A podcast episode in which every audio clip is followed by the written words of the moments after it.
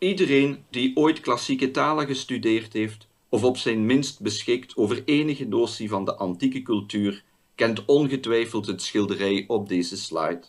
Het werd geschilderd in 1872 door de succesvolle Franse historisch schilder Jean-Léon Gérôme en toont ons een gehelmde gladiator, een Murmillo, die op het punt staat om een netvechter, een retiarius, met zijn zwaard te doorboren. De retiarius richt zich nog met uitgestrekte arm tot zes Vestaalse maagden in de hoop op genade. Maar het ziet er niet goed uit.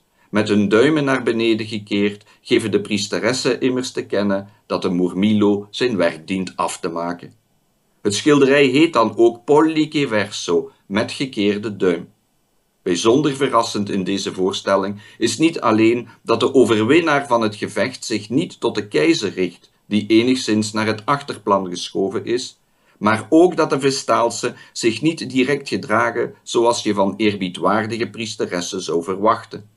In tegenstelling tot de keizer en zijn hovelingen, die het gebeuren met enige afstandelijkheid en zelfs verveling aanschouwen, gaan de Vestaalse volledig op in het vrede schouwspel.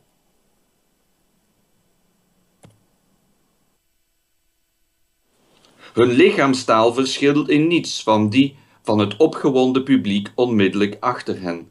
Bovendien verschijnen zij niet alleen als bloeddorstige toeschouwers, die ook als, maar ook als vrouwen die niet ongevoelig waren voor de erotische aantrekkingskracht die gladiatoren volgens antieke bronnen op het andere geslacht hadden.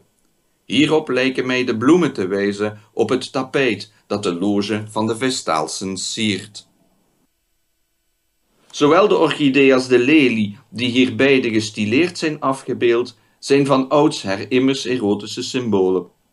Deze interpretatie lijkt misschien vergezocht, maar ze is dat geenszins indien men weet dat erotische motieven uiterst frequent zijn bij Jérôme en dat juist de seksuele verlangens van de Vestaalse en hun veronderstelde voorkeur voor gladiatoren een bijzondere aandacht krijgen in de literaire bron die Jérôme's schilderij heeft geïnspireerd.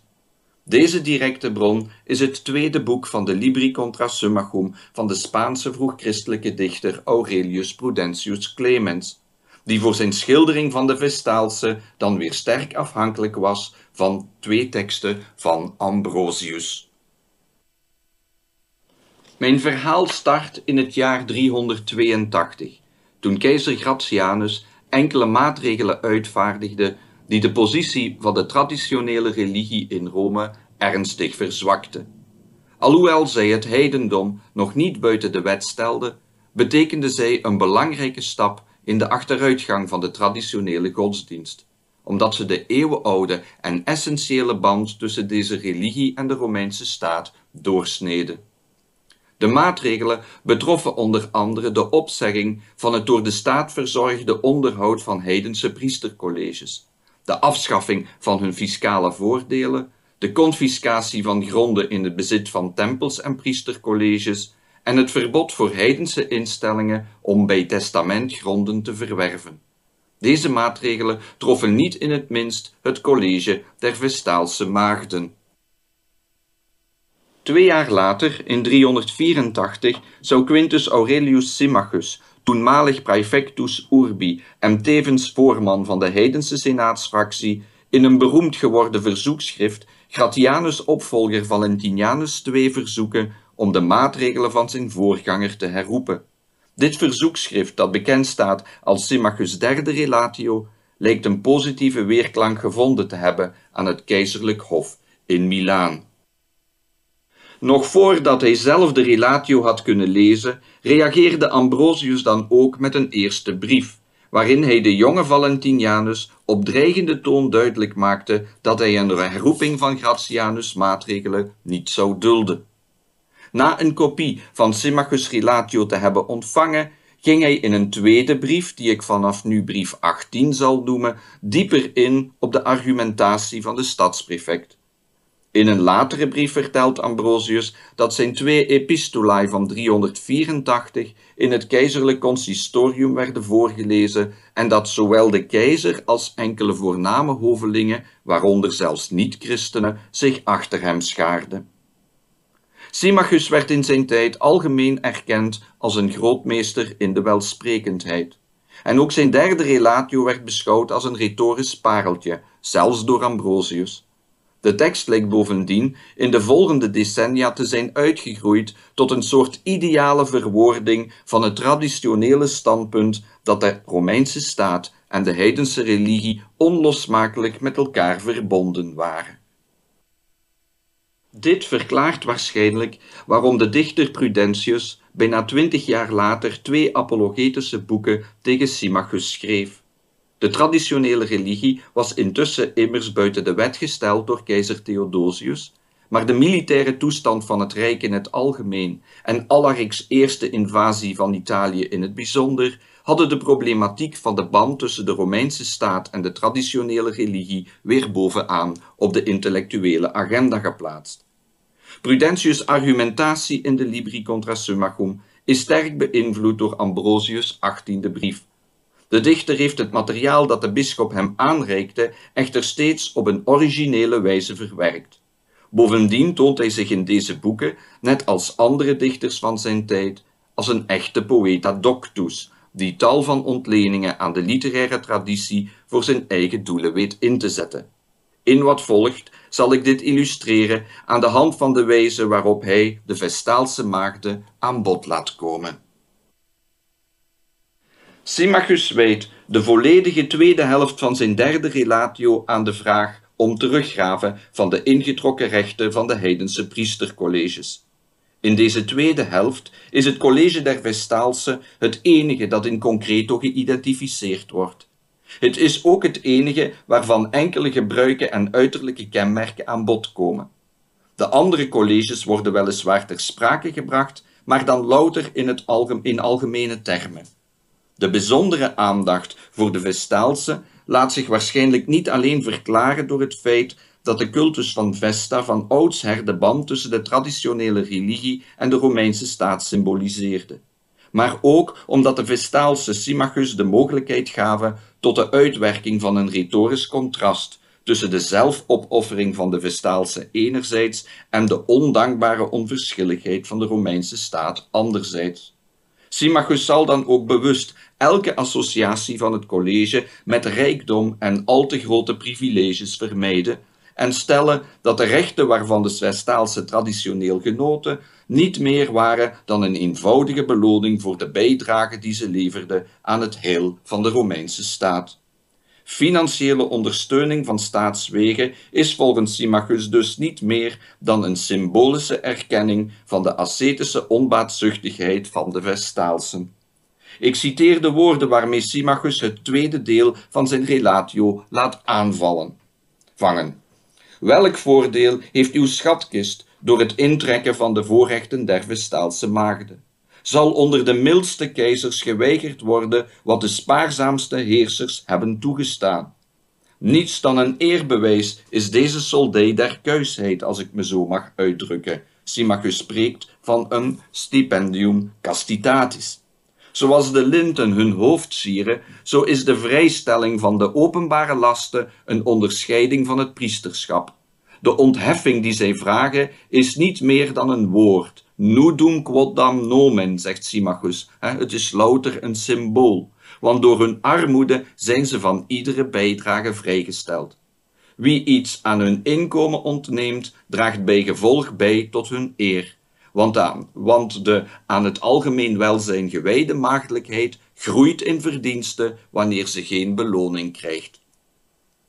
Door het tweede deel over de intrekking van de financiële rechten van alle priestercolleges onmiddellijk met dit idealiserende portret van de Vestaalse te laten aanvangen, en verderop in het tweede deel steeds opnieuw enkel de Vestaalsen in concreto te vermelden, laat Symmachus de andere priestercolleges, die zich waarschijnlijk minder leenden tot heroïsche portretten van onbaatzuchtige overgave, delen in het aanzien dat de Vestaalse in zijn tijd blijkbaar nog steeds genoten.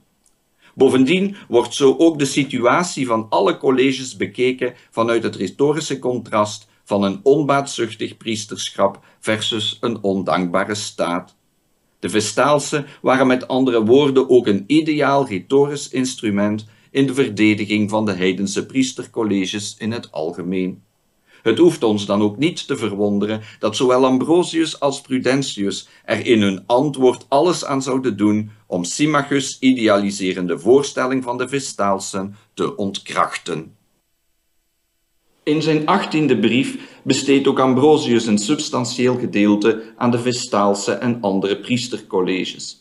Al onmiddellijk in de eerste paragraaf van dit deel trekt hij van leer tegen de idealiserende voorstelling van de Vestaalse, waarmee Symmachus de tweede helft van zijn relatio geopend had. Waar de stadsprefect de privileges van de Vestaalse als een symbolische erkenning en minimale bezoldiging voorstelde, daar doet Ambrosius exact het omgekeerde. Volgens hem genoten de Vestaalse enorme voordelen en gaven zij absoluut geen blijk van zelfopoffering. Om hun verdiensten te minimaliseren, zal de bisschop in een volgende paragraaf hun levenswijze bovendien uitgebreid met die van de onvermijdelijk superieure christelijke maagden vergelijken. Nu had Ambrosius reeds een achttal jaren eerder in zijn De Virginibus een contrasterende vergelijking van de Vestaalse en christelijke maagden geboden, en dit binnen een ruimere argumentatie die moest aantonen dat het heidendom nooit een waarachtige maagdelijkheid had gekend. De bisschop beklemtoonde hierbij vooral dat de Vestaalse maagdelijkheid, in tegenstelling tot de christelijke, aan jonge meisjes tegen hun wil werd opgelegd en bovendien in de tijd beperkt was. Na dertig jaar dienst was het de maagden immers toegestaan te huwen. Terloops stelt Ambrosius ook dat de Vestaalse zich voor hun maagdelijkheid lieten betalen door middel van subsidies en fiscale vrijstellingen. De passus in kwestie luidt als volgt. Wie beweert mij dat de maagden van Vesta en priesteressen van het Palladium lof verdienen? Wat is dat voor een kuisheid, niet van zeden, maar van jaren? Zij wordt immers niet door de eeuwigheid, maar door de leeftijd ingeperkt. Brutaler is een dergelijke ongereptheid, waarvan de schending door een hogere leeftijd voor een hogere leeftijd wordt bewaard. Omdat zij voor de maagdelijkheid een einde hebben bepaald, leren zij zelf ons dat hun maagden niet moeten en ook niet kunnen volharden.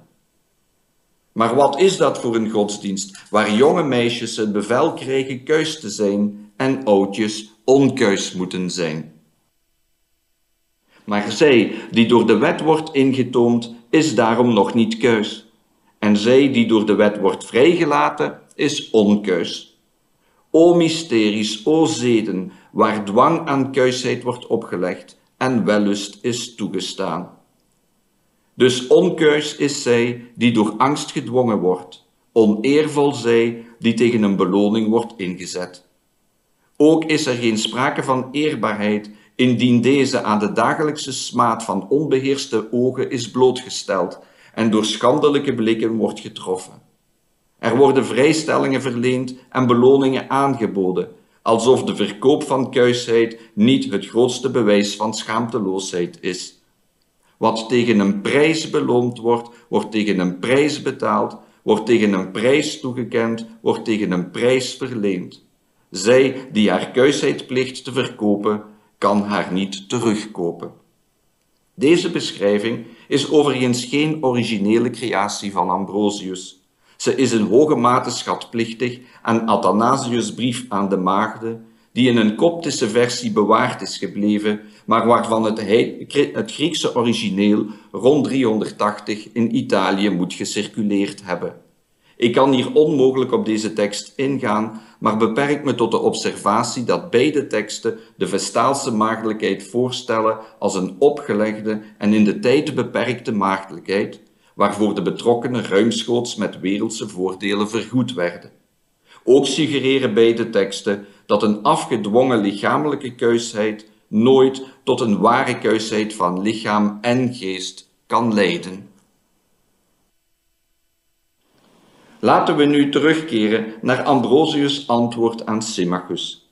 Dit antwoord biedt een satirische beschrijving van de rijkdom en luxe waarin de Vestaalsen volgens de bisschop leefden, en stelt ironisch vast dat men ondanks de vele voordelen nauwelijks zeven meisjes voor het priesterschap op de been kon brengen.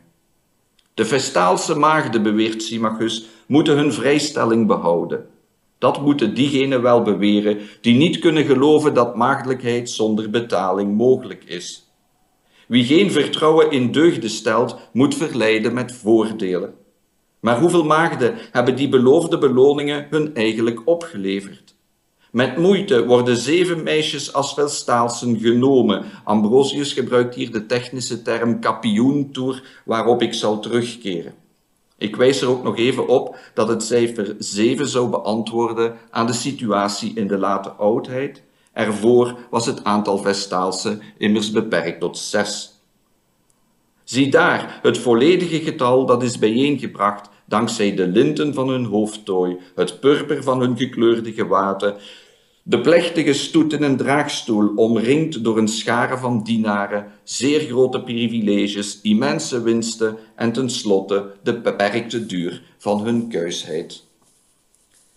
Vergelijken we Ambrosius' kritiek in brief 18 met die in Virginibus, de Virginibus, dan merken we dat zijn tijdschrift tegen Symmachus grotendeels dezelfde thema's behandelt namelijk dat de Vestaalse maagdelijkheid afgedwongen en tijdelijk is en bovendien met privileges beloond wordt.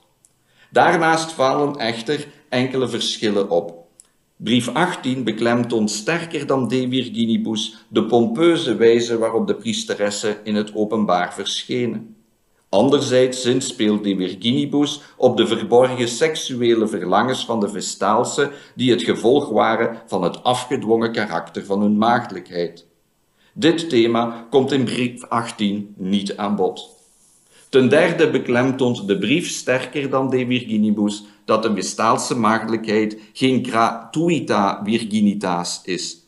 Bepaalde aspecten van de Vestaalse maagdelijkheid, die ook in De Virginibus ter sprake komen, worden hier uitdrukkelijker voorgesteld als praemia, als beloningen.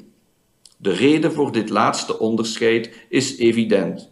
Brief 18 was immers een direct antwoord op Symmachus' stelling dat de Virginitas van de Vestaalse een beloning behoefde, ook al was deze niet meer dan symbolisch. We hebben gezien dat Symmachus de tweede helft van zijn relatio in sterke mate op de Vestaalse maagden had toegespitst, maar dat hij de andere priestercolleges niet onvermeld liet en zelfs in het prestige van de Vestaalse liet delen. Vandaar dat ook Ambrosius' brief na de satirische aanval op de Vestaalse aan de andere priestercolleges aandacht zou besteden. Bij Prudentius daarentegen is de aandacht exclusief op de Vestaalse maagden gericht. Nog in zijn parafrase van Symmachus Grieve, nog in zijn antwoord erop komen andere colleges aan bod. Deze inperking is evident het gevolg van, de verschillen, van het verschillende statuut dat de derde relatio aan het begin van de vijfde eeuw had gekregen. Prudentius streed niet meer tegen Symmachus' specifieke eisen van 384, maar tegen een algemeen verspreide heidense opvatting waarvan de derde relatio een exemplarische verwoording was. De dichter hoefde met andere woorden geen rekening te houden met de details van Symmachus' klacht en kon de discussie daarom toespitsen op het college dat steeds de band tussen de staat en de traditionele religie gesymboliseerd had. De grotere zelfstandigheid van Prudentius ten opzichte van de concrete historische omstandigheden blijkt overigens ook uit het feit dat hij de Vestaalse levendig en met gebruik van het praesens beschrijft, terwijl het college in zijn tijd niet meer bestond. Zoals Ambrosius' brief op, de, op het portret van de Vestaalse een contrasterende beschrijving van de christelijke maagden liet volgen, zo laat Prudentius aan zijn kritiek een korte beschrijving van de christelijke Virgines voorafgaan. Hierbij valt op dat hij, overduidelijk in reactie op Symmachus, de beloning voor de maagdelijkheid niet buiten, maar binnen die maagdelijkheid zelf situeert. De deugden der christelijke maagden zijn als het ware hun eigen beloning. Christelijke maagden hebben met andere woorden geen bezoldiging nodig. Ik citeer: Ook onze maagden kennen prachtige gaven, pulcherrima praemia, kuisheid, een gelaat bedekt met een heilige sluier, een eervol bestaan in afzondering, een verschijning die zich niet aan het publiek bekend maakt, weinige en beperkte maaltijden, een steeds sobere geest en een regel van kuisheid waarvan de afronding samenvalt met het levenseinde. Op deze woorden volgt dan Prudentius' eigenlijke behandeling van de Vestaalse. Deze bestaat uit twee satirische schilderingen van de lex pudoris, de regel der kuisheid, die volgens de dichter hun maagdelijkheid regeert. Hiervan drijft de eerste de spot met het intieme liefdesverlangen van de maagden en hekelt de tweede hun publieke optreden. We zullen merken dat vooral Ambrosius de Virginibus het uitgangspunt van beide tableaus is geweest, maar dat Prudentius de aan dit werk ontleende basisideeën op een eigen originele wijze heeft uitgewerkt. Ik start met het intieme liefdesleven van de Vestaalse. Essentieel in Ambrosius' kritiek op de Vestaalse in De Virginibus was enerzijds het feit dat de priesteressen slechts tijdelijk maagd moesten blijven en dat ze dus op gevorderde leeftijd konden huwen, en anderzijds dat het om een gedwongen maagdelijkheid ging. Gevolg hiervan was volgens Ambrosius niet alleen dat de Vestaalse na dertig jaar dienst mochten onkeus zijn, hè, in pudicae, maar ook dat ze tijdens hun dienstjaren door hun libido werden beheerst. Deze gedachte leverde de basisinspiratie voor Prudentius' eerste tafereel, dat onmiddellijk het opgelegde karakter van de Vestaalse maagdelijkheid beklemtoont. Hij zegt, ik zal nu bespreken wat de eerbaarheid van de Vestaalse maagden voorstelt en volgens welke regel zij de volledige eer van hun kuisheid regelen. Voor eerst worden zij als kleine meisjes gekozen, kapioentoer, of genomen, kapioentoer, in hun kinderjaren. Voordat een vrije keuze van hun eigen wil, brandend door de roem der kuisheid en de liefde voor de goden, de terechte ketenen van hun vruchtbare geslacht kan veroordelen. Een gevangen genomen kuisheid wordt toegekend aan altaren die niet geliefd zijn. Het afgedwongen karakter van de Vestaalse maagdelijkheid wordt in deze verse weergegeven met het beeld van de kuisheid als krijgsbuit. Captivus pudor in gratis adicitur aris. Het adjectief captivus herneemt bovendien de voorafgaande en ook door Ambrosius gebruikte vorm capiuntur die als technische term de opname van een jong meisje in het college van de Vestaalse aanduidde. Het beeld van de Vestaalse als krijgsbuit treffen we trouwens ook buiten de christelijke literatuur aan. Zo lezen we bij Gellius over de zogenaamde captio der Vestaalsen, dat men waarschijnlijk om de volgende reden zegt dat een maagd genomen wordt, capi, namelijk omdat zij door de hand van de hoge priester ontnomen wordt aan de ouder onder wiens gezag zij staat, en als het ware als een krijgsgevangene wordt afgevoerd. Zowel bij Gellius als bij Prudentius geeft de technische term capere dus aanleiding tot het gebruik van het beeld van de Vestaalse als oorlogsbuit. De hierdoor opgeroepen associaties verschillen echter. Bij Gellius onderstreept het beeld de onttrekking van het meisje aan de patria potestas. Bij Prudentius beklemtoont zij dat de toetreding tot het college der Vestaalse niet op een vrije keuze berust en dat de Vestaalse maagdelijkheid dus grondig verschilt van de christelijke. Een opgelegde maagdelijkheid leidt echter niet tot ware kuisheid, zoals Ambrosius in De Virginibus beklemtoonde. In de onmiddellijk volgende verse bekritiseert Prudentius dan ook in de lijn van De Virginibus niet alleen dat de Vestaalse maagden na dertig jaar dienst mochten huwen, maar ook dat hun geest tijdens hun dienstjaren door het verlangen naar dat late huwelijk wordt beheerst. Ik citeer opnieuw. Het leven van die ongelukkige kent geen genot, niet omdat dat is veracht, maar omdat het hun is afgenomen. Hun lichaam is intact, maar hun geest blijft dat niet. En geen rust wordt geboden aan het bed, waarin de ongehuwde treurt om een blinde wonde en de verloren huwelijksvakkels. want ze blijft dan hoop koesteren en haar vuur wordt niet volledig gedoofd.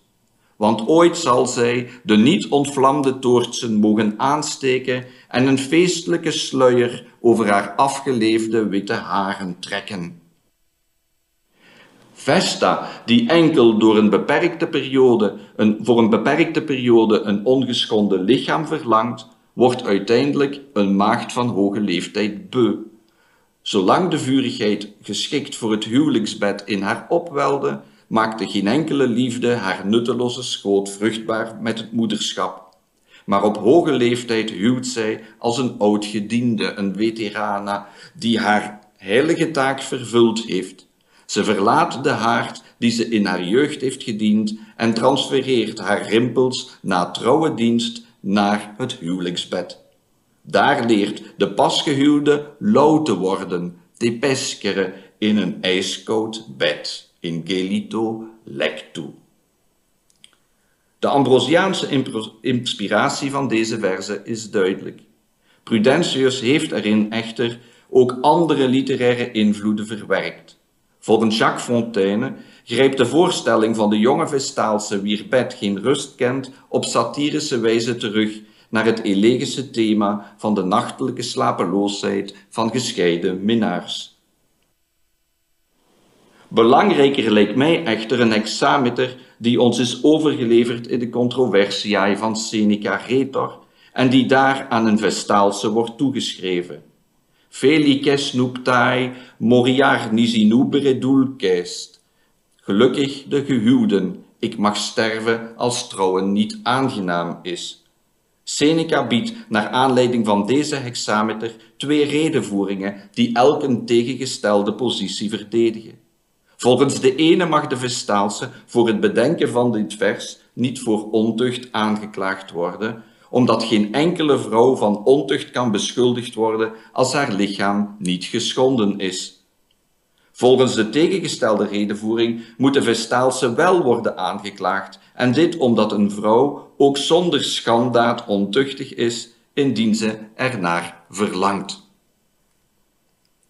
Deze tweede positie stemt overeen met die van Prudentius, en het lijkt me niet uitgesloten dat de dichter hier voor zijn uitwerking van Ambrosius' suggesties aan de controversiae van Seneca Retor of aan vergelijkbare schooloefeningen schatplichtig is. Een tweede thema uit de literaire traditie waarop Prudentius teruggrijpt, is dat van de wellustige oude vrouw die in de Latijnse poëzie vaker mikpunt was van spot. Bij Prudentius luidt het dat de Vestaalse ooit een feestelijke sluier over haar afgeleefde witte haren zal trekken, dat ze haar rimpels na trouwe dienst naar het huwelijksbed zal transfereren en dat ze ondanks haar vroegere verlangens in dat huwelijksbed enkel nog lauw zal kunnen zijn, met als gevolg dat dat bed zelf ijskoud blijft. Daarnaast is er ook nog de voorstelling dat de, god, dat de godin Vesta niets van oude maagden moet hebben.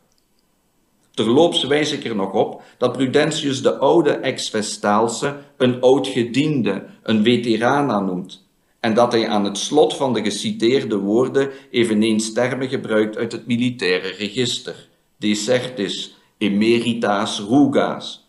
Mogelijk is dit taalgebruik ingegeven door Symmachus' derde relatio, waar de beloningen van de Vestaalse als een soldei, een stipendium, omschreven werden. Een laatste opmerking betreft het geheel van het eerste tableau. Hierin verschijnen tal van werkwoorden, substantieven en adjectieven die aan het register van vuur en warmte ontleend zijn. Verwens, taida's, ignem, faces adolere, flammea, focis, tepescere. In haar jeugd brandt de Vestaalse dus van verlangen. In haar oude dag smult haar wellust nog wat na.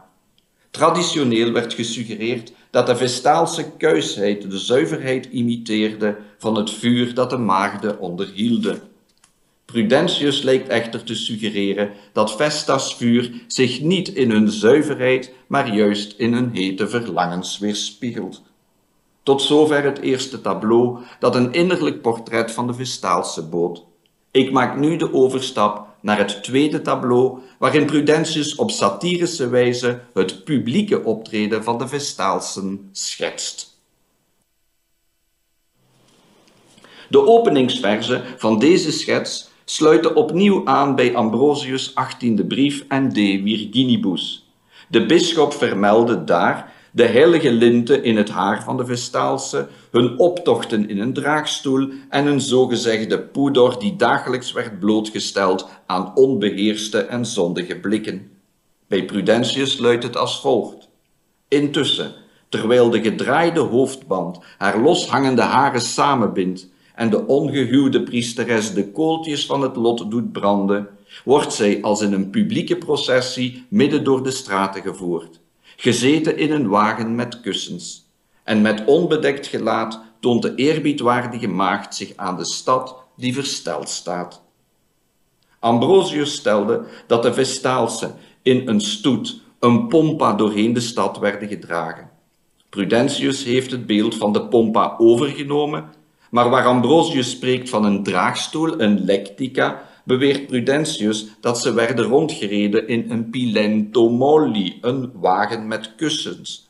Het pilentum was een luxueuze vierwielige wagen waarmee Romeinse matronae zich in de republikeinse periode volgens de wet niet alleen bij religieuze plechtigheden door de stad mochten verplaatsen, maar ook wanneer zij zich naar de Spelen begaven. De onmiddellijk volgende verse in Prudentius' schildering van het publieke optreden van de Vestaalse beschrijven dan ook hoe een zogezegd verheven maagd zich naar het amfitheater begeeft om daar volledig op te gaan in de bloedige gladiatorenspelen. In deze verse, waarin Prudentius zich losmaakt van wat in Ambrosius' teksten te lezen viel, zou Jean-Léon Gérôme vele eeuwen later zijn inspiratie voor Polyke Verso vinden. Ik citeer, Vervolgens begeven haar milde kuisheid en haar vroomheid die geen bloed kent, zich naar de tribune van het amfitheater, om te zien hoe mannen er bloedige gevechten leveren en met haar, eilige, en met haar eilige ogen de dood en de wonden te bekijken die zij verkopen voor hun levensonderhoud. Zij zit daar, trekt de aandacht door het opvallende sieraad van haar hoofdband en geniet van wat de trainers hebben voortgebracht. Ach, wat een vreedzame en zachtaardige ziel. Ze veert op bij elke slag en telkens wanneer een overwinnaar zijn zwaard in een keel plant, roept ze uit dat hij haar lieveling is. De bescheiden maagd heeft met geeft met gekeerde duim het bevel de borstkas te doorboren van de verliezer op de grond. De tegenspraken die de persoon van de Vestaalse karakteriseren, en waarvan wij in het eerste tafereel reeds enkele voorbeelden hebben gezien, bereiken in de amfitheaterscène een hoogtepunt. In het licht van haar enthousiasme voor de bloedige spelen krijgen de verwijzingen naar haar milde kuisheid en haar vroomheid die geen bloed kent, haar heilige ogen, haar vreedzame en zachtaardige ziel en haar bescheidenheid een wel erg cynische bijklank. Ter beschrijving van haar vreedheid valt Prudentius trouwens terug op de traditionele kritiek op gladiatorenspelen. Tot de gemeenplaatsen van dat moralistische discours behoren ook de claims dat gladiatoren zich tegen betaling lieten verminken en dat het volk tijdens de spelen niet alleen van het moorden genoot, maar zich ook totaal door zijn passies liet beheersen. Een derde kritiek hield in dat de gladiatoren ook heel wat vrouwelijke toeschouwers een op heel wat vrouwelijke toeschouwers een seksuele aantrekkingskracht uitoefende. Deze kritiek is hier geïmpliceerd in het woord deliciaas, dat zoiets betekent als lieveling en aan het begin van het vers, dankzij de onmiddellijk volgende césuur, een bijzondere klemtoon krijgt. Deliciaas ait suas. Hm? Haar lieveling, dat is hij volgens haar. Deze interpretatie van Deliciae impliceert dat het hoofdthema van het eerste tableau, het erotische verlangen van de Vestaalse, in het tweede terugkeert en heeft mogelijk ook consequenties voor de interpretatie van de woorden fruitur quellanistis, enkele versen tevoren.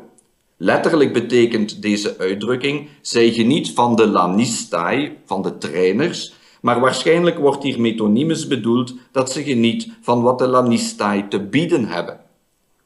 Combineer je dit met de frequente associatie van Lanista, trainer, met Leno, pooier, dan is ook hier de erotische connotatie duidelijk. En hiermee zijn we aanbeland bij de afronding van het tweede tableau. Hierin formuleert Prudentius zijn verontwaardiging aan de hand van een reeks retorische vragen die even de thematiek van de gladiatoren achterwege laten en waar ik nu niet verder op inga. De laatste retorische vraag neemt de thematiek van de gladiatoren echter weer des te krachtiger op.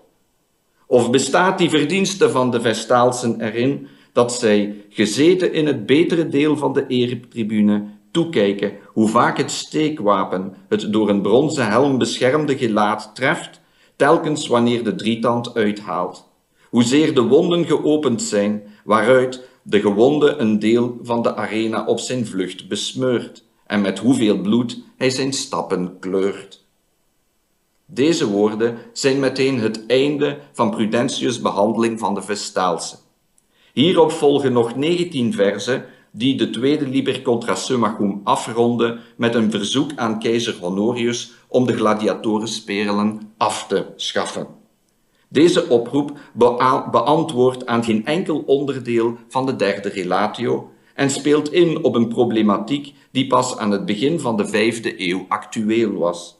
Met andere woorden, het satirische portret van de Vestaalse rond Prudentius antwoord op Symmachus' verzoekschrift af en het lijkt er sterk op dat de dichter met dit portret zijn weerlegging met een retorische climax heeft willen afsluiten.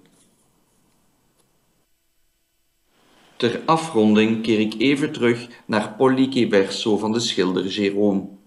Het schilderij werd snel na zijn eerste publieke vertoning druk besproken, waarbij twee punten bijzondere aandacht kregen. Ten eerste was er de vraag of Jérôme de uitdrukking Pollice Verso wel juist had geïnterpreteerd, door de Vestaalse en het publiek achter hen met hun duim naar beneden af te beelden. Ten tweede was er de wijze waarop de Vestaalse zelf werden voorgesteld. Kunstcritici werden verrast door de wijze waarop de Franse schilder maagdelijke zuiverheid en beestachtig verlangen naar bloed in hun persoon verenigd had. Voor sommigen was dit een reden om, de, om het schilderij verontwaardigd te veroordelen.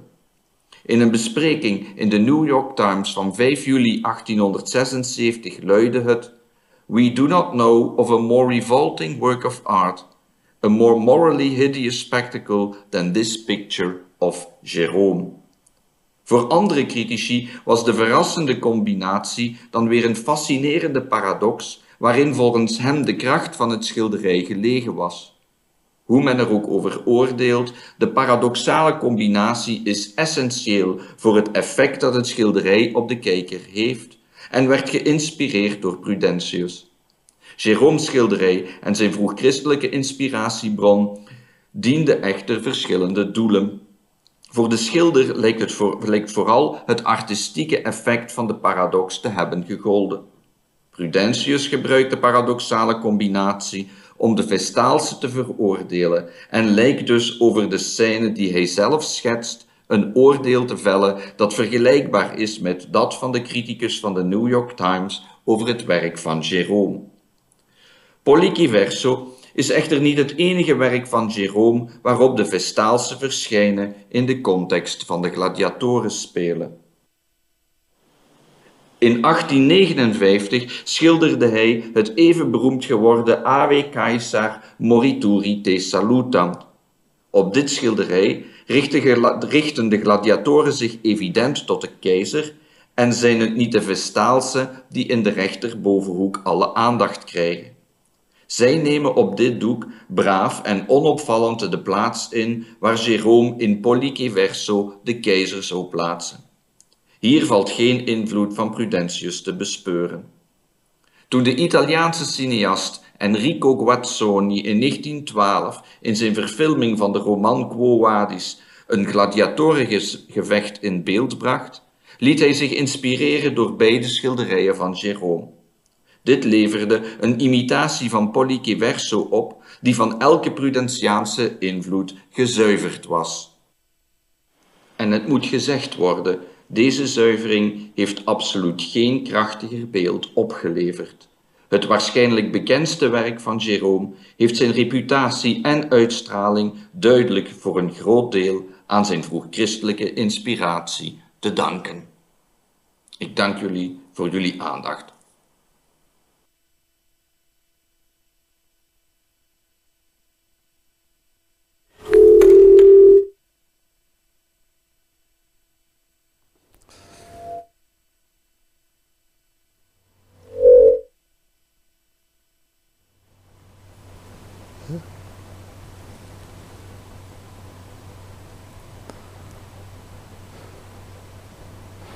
Ik wil jou ook heel erg bedanken, Gert, voor deze bijzonder mooie en illustratieve bijdrage. Omdat je door zo'n bijdrage die jij nu vanmiddag hebt laten zien aan ons, ook beseft dat de christelijke maagdelijkheid ook een voorganger heeft gehad in deze Vestaalse maagden. En dat daar dus ook inderdaad in de vierde eeuw heel veel over gezegd is met elkaar. Wat ik ook mooi vond dat je Athanasius daarbij haalde als bron die dan door Ambrosius gebruikt zou zijn. Ik denk dat dat helemaal klopt, omdat Ambrosius heel vaak ook op Athanasius teruggreep.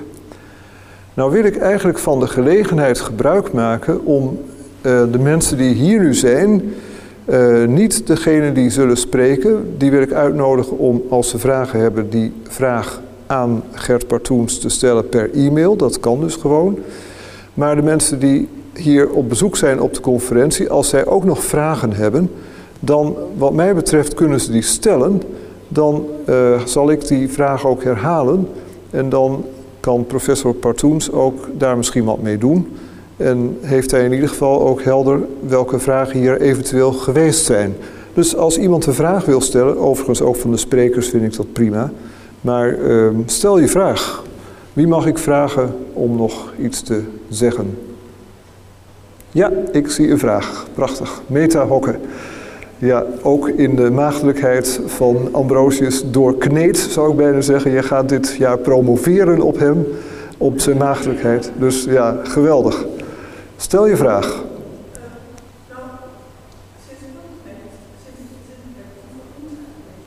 Zal ik een poging doen het samen, ja, het samen te vatten? En anders dan, uh, als ik het zeg maar niet voldoende samenvat of niet duidelijk genoeg, ja. Maar uh, wat ik begrijp is dat je eigenlijk je afvraagt van uh, Ambrosius stelt dus inderdaad de maagd voor als, hè, dus ook als de kerk. dat dat in Rome gebeurt, ook de Vestaalse maagd voor Rome uh, is dat nou inderdaad een inspirerend voorbeeld voor hem. Dus dat hij eigenlijk dat beeld uh, ja, transformeert. Ja, als ik het goed begrijp, transformeert dan. Ja.